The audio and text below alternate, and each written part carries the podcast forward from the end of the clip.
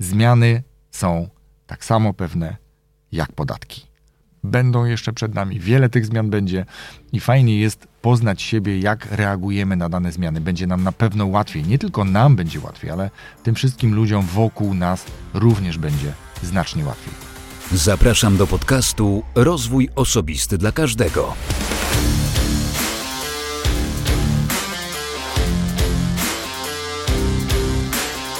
Dzień dobry, cześć. Ja nazywam się Wojtek Struzik, a Ty będziesz słuchać właśnie 212 odcinka podcastu Rozwój Osobisty dla Każdego, który nagrywam dla wszystkich zainteresowanych świadomym i efektywnym rozwojem osobistym. Chyba nigdy nie znudzi mi się to hasło. 212 odcinek dzisiaj, a w 211 przypomnę, mówiłem o tym, dlaczego nie robimy rzeczy. Dlaczego nie robimy łatwych, prostych rzeczy, ale nie powiem Ci dlaczego. Krótki odcinek, zapraszam do wysłuchania. Jeśli jeszcze nie słuchałeś, nie słuchałaś 211 odcinka, to bardzo gorąco do tego namawiam. Dzisiaj za chwilę będę mówił o czterech etapach zmiany, ale zanim to będzie, to oczywiście, że podziękuję swoim patronom bardzo, bardzo gorąco, a tym, którzy zastanawiają się, czy dołączyć do grona patronów, z czym się to je, na czym to polega, to gorąco namawiam do wejścia na stronę patronite.pl łamane przez RODK i tam wszystkiego się dowiesz. Gorąco namawiam i z góry bardzo dziękuję. No dobrze, no to do rzeczy. Cztery etapy zmiany. Generalnie może zacznę od tego, jaka jest definicja zmiany. I tutaj posłużę się e, słownikiem PWN-u i według tego właśnie słownika zmiana to fakt, że ktoś staje się inny lub coś staje się inne niż dotychczas. Lub inna definicja zastąpienie czegoś czymś. Ja bym dodał jeszcze kogoś kimś. To przecież też jest zmiana. To według słownika zmiana. A dlaczego mówię o czterech etapach? Inspiracją do nagrania dzisiejszego odcinka były dwie rzeczy. Pierwsza to udział w roli ko-trenera w szkoleniu w warsztatach, spotkaniu dotyczącym między innymi zmiany, tego jak reagujemy na zmiany, właśnie jakie są etapy tej zmiany. I tutaj wielkie ukłony w stronę Małgorzaty Machniewicz. Bardzo dziękuję za zaproszenie mnie do tego szkolenia. Małgorzata nagrywa też podcast Pani od Zmiany. Myślę, że bardzo warto go posłuchać. Drugim powodem jest fakt trochę zmienionego powiedzenia, że pewne są tylko podatki i zmiana, chociaż w oryginale ponoć jest śmierć. Natomiast nie chcę tutaj czarnowictwa roztaczać. Zmiana faktycznie jest pewna i czy jej chcemy, czy nie, to tych zmian w naszym życiu będzie jeszcze całkiem sporo. No i może jeszcze taki trzeci powód, kapitalne cytaty. I tutaj pozwolę sobie przytoczyć mm, co najmniej jeden. Taki cytat, który przypisuje się Albertowi Einsteinowi. Ja go często lubię też w pracy czasami podnosić. Szaleństwem jest robić wciąż to samo i oczekiwać różnych rezultatów. No i w biznesie bardzo często tak jest, że przecież zastanawiamy się, no robimy, przecież robimy, cały czas robimy tak samo dobrze, ale nie inaczej. Tak? Czyli robimy dobrze swoje rzeczy i osiągamy jakieś rezultaty, ale chcemy osiągać lepsze rezultaty. No to, żeby osiągać inne, lepsze rezultaty, trzeba próbować innych rozwiązań. No i tutaj tak mi się to bardzo, bardzo mocno skojarzyło. Ja sam czasem lubię się trochę głębiej zastanowić nad pewnymi sprawami, między innymi takimi ze zmianami. Można powiedzieć, że praktykuję autorefleksję. No tutaj bardzo podoba mi się to słowo i ciągnie się za mną, odkąd przeczytałem książkę Darka Łużyckiego, o której już wielokrotnie mówiłem na łamach tego podcastu, więc nie będę się tym razem powtarzał. Ale myślę, że pisanie dziennika, które od lipca tamtego roku robię i robię to faktycznie codziennie, również bardzo pomaga w takiej refleksji, autorefleksji, w przemyśleniu pewnych rzeczy i zobaczeniu jak się między innymi zmieniamy, jak się chociażby zmienia sposób prowadzenia takich notatek. No dobra, ale wróćmy do, do, e, wróćmy do zmiany, bo zobacz. No bo czy nie jest tak, że wkurzasz się na pewne rzeczy, bo są na przykład nowe, ale wkrótce po tym, już po kilku tygodniach, czasem miesiącach, e, akceptujesz je i co najważniejsze, czasami nawet nie wyobrażasz sobie robić tego lub w taki sposób, jak to robiłeś czy robiłaś przed tą zmianą. Na początku jest dużo takiej frustracji, nerwów, emocji, często bardzo negatywnych emocji, bo przecież to nie my jesteśmy autorami tej zmiany, no to tym bardziej. No i właśnie między innymi o tym będę za chwilkę mówił. Ale bywa też przecież tak, że coś lub kogoś doceniamy dopiero w momencie, kiedy e, to coś tracimy. na przykład tracimy tę rzecz lub e, człowieka zabraknie w naszym życiu z różnych powodów, prawda? Wyjechał, wyprowadził się, odszedł, cokolwiek się wydarzyło. I wtedy nagle, nawet jeżeli wtedy, kiedy to coś mieliśmy, czy tego kogoś mieliśmy przy sobie, to no, łatwo było nam znaleźć jeszcze jakieś rzeczy, które no, fajnie jakby ten ktoś w sobie poprawił, żeby nam było lepiej. No tylko w momencie, kiedy tego kogoś braknie, no to nagle okazuje się, że brakuje nam tych dobrych rzeczy głównie. No ale mniejsza z tym, nie o tym głównie chcę dzisiaj opowiadać, dlatego mm, pociągnę temat dalej, bo jestem z natury optymistą, ale nie ukrywam, czasem również, jestem przecież człowiekiem, zdarza mi się popadać w takie, nazwijmy to, racjonalizowanie. Zmiany przecież mogą być dobre i zwykle są dobre, ale też przecież są złe zmiany i czasami możemy się z nich próbować wycofać, albo jeżeli to nie od nas zależy, to ktoś się z nich wtedy wycofuje. Ale myślę, że ważne jest takie świadome nastawienie do tej zmiany, świadoma postawa i jakby świadomość siebie jako człowieka, jako osoby w tej zmianie. Co się ze mną dzieje w momencie, kiedy zmienia się coś w moim środowisku, w moim otoczeniu. Zmienił mi się szef, zmieniłem biuro, zmieniłem firmę wręcz całą, tak? Czy, czy, czy coś się innego jeszcze wydarzyło. I praca nad tym, żeby te etapy zmiany, o których za chwilę będę mówił, przebiegały łagodniej, mm, a to może się tak odbywać, pod warunkiem oczywiście, że znasz swoje miejsce w procesie, czyli wiesz, w jakim etapie zmiany w danym momencie właśnie jesteś i co się z tobą w związku z tym dzieje i co możesz jeszcze zrobić, żeby działo się lepiej, albo żebyś nie przeżywał, nie przeżywała tej zmiany bardzo dotkliwie. No to do rzeczy w takim razie. Jakie to są cztery etapy? Zacznę od przywołania, jak one się nazywają, a później trochę postaram się je bardziej omówić, czy też trochę rozwinąć, powiedzmy, i dać najlepiej jakiś przykład, powiedzmy, możliwie najbardziej z życia. Pierwszy etap to wyparcie, albo jeszcze inna definicja, czy też inna nazwa zaprzeczenie, czyli etap wyparcia lub zaprzeczenia. Jakkolwiek możesz znaleźć, znajdziesz jeszcze pewnie inne, ale takie powiedzmy, że synonimy tych, tych, tych słów właśnie, tak? Wyparcie, zaprzeczenie. Drugi etap opór. Trzeci etap próba lub eksperymentowanie, doświadczanie. I czwarta próba zaangażowanie, adaptacja, akceptacja, tak można powiedzieć, że nazywają się te cztery etapy. Skoro mamy cztery etapy, to teraz wyjaśnijmy sobie, czym one są, jak się objawiają albo czym się objawiają.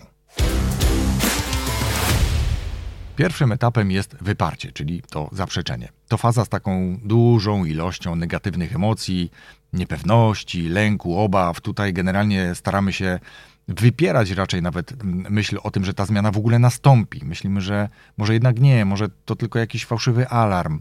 Często jakby tu nie do końca właśnie wierzymy, że ona e, nadejdzie, albo będzie dotyczyć niekoniecznie nas, e, sąsiada albo kolegi z innego działu, że ciebie to nie dotknie ta zmiana. To jest właśnie takie wyparcie, tej zmiany nie będzie. Te emocje też bardzo często wynikają z takiego przyzwyczajenia do tego, co było teraz, do dotychczasowego sposobu pracy, do sposobu życia, tego jak żyliśmy, jak sobie układaliśmy nasz plan dnia, jakie to były rutyny, czy też korzystania na przykład z urządzeń. Przywykliśmy do jakichś urządzeń czy do jakichś aplikacji, chociaż powiem szczerze, że w przypadku urządzeń czy aplikacji to raczej jesteśmy bardziej podekscytowani, że wychodzi na przykład jakiś nowy model, nie wiem, smartfona, że na przykład jakiś nowy model iPhone'a albo nowa wersja iOS-u czy innego oprogramowania Androida. Tu, jeżeli chodzi o takie nowinki technologiczne, to niekoniecznie jest ta zmiana, chociaż czasami takie ulepszenie systemu, czy nowa wersja nagle jest, o kurczę, to gdzie to teraz jest to, co tu było, tak? I też chwilę na początku jest taka frustracja, więc może też faktycznie to e, pasuje tutaj ten przykład. Warto mieć świadomość tego etapu i tego, jak właśnie reagujemy na informacje o zmianie. Otworzyć się trochę na taki, nazwijmy to, wewnętrzny dialog, czyli tą autorefleksję, porozmawianie ze sobą, co się teraz ze mną dzieje, dlaczego tak właśnie reaguję, czy mogę reagować inaczej, albo co powinno się zadziać ze mną lub z otoczeniem, tak, czyli jakby kimś, kto komunikuje tę zmianę, żeby ona, żebym ja ją lepiej przeżywał, tak, albo szybciej przeszedł ten etap początkowy. Jeśli zmiana nie została nam właśnie dobrze zakomunikowana, E, nie przedstawiono nam na przykład korzyści, jakie płyną za, e, za wprowadzeniem tej zmiany, no to z jednej strony możemy przecież o to dopytać i właśnie do tego zachęcam, żeby dopytywać o tę zmianę, żeby nie być nastawionym negatywnie, bo myślę, że bardzo często możemy wrócić gdzieś pamięcią tylko no, trzeba wzbudzić ten impuls, że pewnie już takie sytuacje były i wcale tak źle się nie działo. Możemy też próbować odnaleźć w naszych właśnie przeszłych doświadczeniach podobne sytuacje. Możemy przypomnieć sobie, że też mieliśmy podobne emocje, też się złościliśmy, też było właśnie takie wyparcie tego, że, że ta zmiana, e, czy jakakolwiek inna wcześniejsza zmiana się e, odbędzie, przeprowadzi. No i tak naprawdę się okazywało, że, że to wcale nie było zasadne, tak? że, że, że znowu trochę strach ma wielkie oczy. No dobrze, no ale mam taki przykład z życia tutaj odnośnie y, takiego wyparcia, zaprzeczenia, że, że, że nie będzie tej zmiany. Trochę prywaty. Kiedyś przyszła zmiana, czy potrzeba zmiany starszego samochodu na nowszy. Tu konkretnie o auto żony chodzi. I mogłem e, skorzystać z okazji odkupić samochód, e, mój stary służbowy samochód od firmy, w której pracuję. No i żeby moja żona oczywiście mogła z niego korzystać. No wiadomo, nowszy model. Ale powiem wam szczerze, ile ja się nasłuchałem, że to kombi, że za duże, że nie, wy, nie wjadę nim do garażu, że, że nie wiem, pod Lidlem będzie mi ciężko zaparkować. Co z tego, że jest o 10 lat młodsze? Co z tego, że był jeden kierowca, sprawdzony kierowca, godny zaufania kierowca? Mm, to o mnie. E, auto przecież z dobrą historią, e, przeglądane było w ASO, czyli autoryzowanych serwisach, bezwypadkowe. Naprawdę okazja. No i po pierwszej przejażdżce, kiedy odebrałem już samochód i trzeba było dostarczyć go jakoś do domu, no to okazało się, że żona nie chce wyjść z auta. Nagle te obawy wszystkie zmieniły się i, czy zmieniły, zniknęły, bym powiedział. I auto nagle samo jeździ, radio fajniej gra i nawet jakoś daje radę wjechać do garażu, bo są czujniki i tak dalej, nie? Czyli znowu, to nastawienie do tej zmiany było bardzo negatywne, ale ostatecznie okazało się, że e, wyszło całkiem nieźle. Ale powiedzmy, że tu mówimy o tym zaprzeczeniu, czyli przypomnę o tym, że ta zmiana może nie nastąpić, że ona nie będzie mnie dotyczyć. Następną fazą jest opór. Faza oporu. Tutaj mamy do czynienia z takim poczuciem zagrożenia. To, co potrafię robić, to czego się przyzwyczaiłem, e, nauczyłem, przestaje istnieć. Już wiem, że ta zmiana nastąpi w poprzednim etapie to jeszcze było takie domniemanie, że to taki trochę, e, że, że jest szansa, że ta zmiana nie będzie albo nie będzie dotyczyła mnie. Tutaj już raczej wiem, że ona będzie, więc robię wszystko, żeby zamanifestować, że nie jestem zadowolony z tego, że ta zmiana nastąpi, bo przecież muszę się wszystkiego nauczyć od nowa. Zmiana jest raczej realna, nieprawdopodobna. Nie ma już takiego zaprzeczenia, czyli ta poprzednia faza, że do zmiany może nie dojść, ona właśnie przecież następuje. W tej fazie jest dużo krytyki, dużo narzekania, takiego sarkazmu, kpin, że co to to jest, tak? Są takie próby e, pokazania, że tamto było dobre, a to, co wchodzi, e, jest złe, tak? B, fuj. Tam to już w ogóle działaliśmy ekstra, czy działałem, działałem super, było nam dobrze na przykład, tak? To nie wiem, to można odnieść do prywatnego przykładu, zaraz spróbuję taki znaleźć. W tej fazie może też czasem dochodzić wręcz do sabotażu, sabotowania działań związanych ze zmianą, do, nie wiem, dezinformacji. No, no, informacja to trochę forma sabotażu. I tutaj, podobnie jak w tej fazie zaprzeczenia, dobrze jest zrobić sobie taki krok w tył. Ja bardzo lubię jakby używać tego porównania. Krok w tył i popatrzenia na to, co się dzieje z trochę innej perspektywy. I poszukać przykładów pozytywnych do tego, co się ma zadziać. I powiedzmy, że tutaj zmienię mm, przykład i niech będzie mieszkanie. E, gdzie w fazie oporu będziemy raczej szukać argumentów, że nie wiem, będzie dalej do pracy, albo mm, będzie drożej, albo e, będą gorsi sąsiedzi, tak? No gorsi, no bo ich nie znamy, to na pewno będą gorsi. Przecież sąsiad zawsze będzie miał bardziej zieloną trawę. E, I cokolwiek ci tam jeszcze przyjdzie, tak? Czyli coś w tej fazie oporu będziesz próbować argumenty takie wyciągać, żeby sabotować tą zmianę, żeby pokazywać, że nie chcesz w niej uczestniczyć. Nie, nie będziesz wręcz w niej uczestniczyć. Mogą też pojawić się w tej zmianie, w tym przykładzie dotyczącym mieszkania, takie argumenty w stylu, że ja się nigdzie nie przeprowadzam, ja tu zostaję, bo to z życia wzięty powiem teraz przykład, starych drzew się nie przesadza, albo zobaczysz, przykuje się do kaloryfera, czy cokolwiek innego, tak? Czyli taki manifestacja zaprzeczenia, nie zaprzeczenia, manifestacja tego oporu że ja w niczym takim nie będę brać udziału. No i oczywiście również tutaj można powiedzieć, że wiesz jak się to kończy, bo okazuje się później, że na przykład mm, okna są nowsze, łatwiej się myje, widok z tych okien może jest nawet lepszy, jest winda, albo jak nie winda, to ogródek, albo coś w tym rodzaju, albo nie wiem, znajomy z pracy nagle się okazuje, że mieszka w okolicy, więc można się albo zabrać razem z nim do pracy, albo po prostu nawiązać lepszą relację.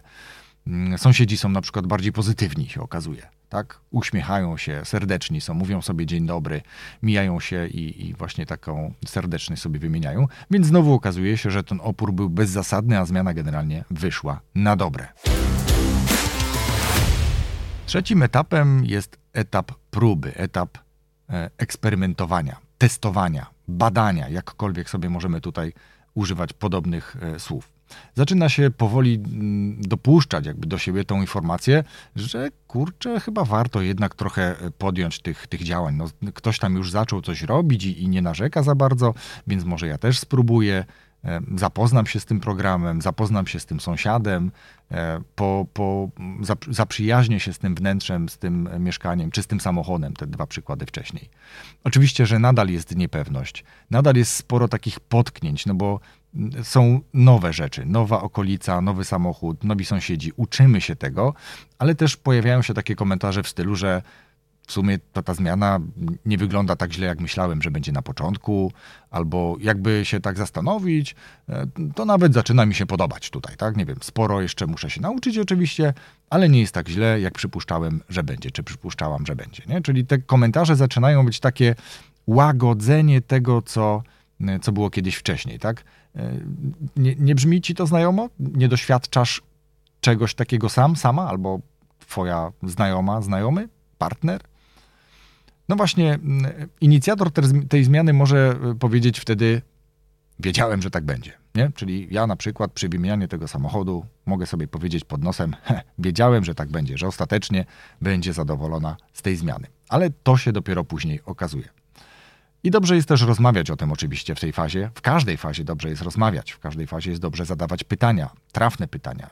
W każdej fazie dobrze jest rozmawiać. Tutaj w fazie próby, eksperymentowania również dobrze jest rozmawiać o tym, co się teraz dzieje, przywoływać te fazy wcześniejsze, odnosić się do nich, e, tłumaczyć swoje zachowanie wtedy, albo mm, dlaczego, z czego ono wynikało i że teraz już to rozumiem i, i, i akceptuję i próbuję dalej. Daj mi jeszcze trochę czasu, zobaczysz, że się z tym oswoję. Nagle się okazuje, że mm, działamy że testujemy i nawet nam wychodzi. Tak jak powiedziałem, są potknięcia, ale nam nawet wychodzi. To jest właśnie ten etap próbowania, e, przełamywania siebie już i testowania. I czwarty etap, ostatni z tych czterech etapów, to etap adaptacji. Czyli widzę efekty, dobre efekty tej zmiany, widzę dobrą stronę tej zmiany. Nauczyłem się na przykład jeździć tym samochodem, nauczyłem się parkować tym autem i idzie mi to nawet przyzwoicie. Może nie wjeżdżam do garażu tyłem, ale umiem zaparkować i daję sobie radę, żeby nim wyjechać. Wiem nawet, gdzie są wszystkie przełączniki, ale powiedzmy, koła nie zmienię. Tak? To ty chciałeś tego samochodu, to będziesz mi zmieniał koło. Zawsze może być taki argument, oczywiście. E, z przykładem mieszkania, no, mieszkanie mi się podoba, nowy szef nawet jest fajny, no, w przypadku szefa, E, na przykład nowy szef wymaga, ale można się z nim dogadać i, i, i nie kręci, tak? nie, nie, nie opowiada jakichś głupot i tak dalej, jak, jak poprzedni na przykład. Um, albo co tu będzie? Tu będzie na przykład też taka, taka akceptacja tego i będą hasła w stylu w sumie to szkoda, że nie zrobiliśmy tego wcześniej.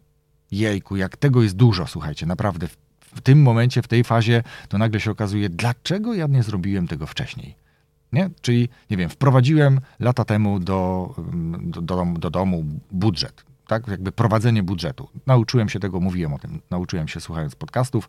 Na początku był opór, bo trzeba te paragony spisywać, wiadomo, ale wiemy jaki jest cel, więc się poświęcimy. Trochę to trwało.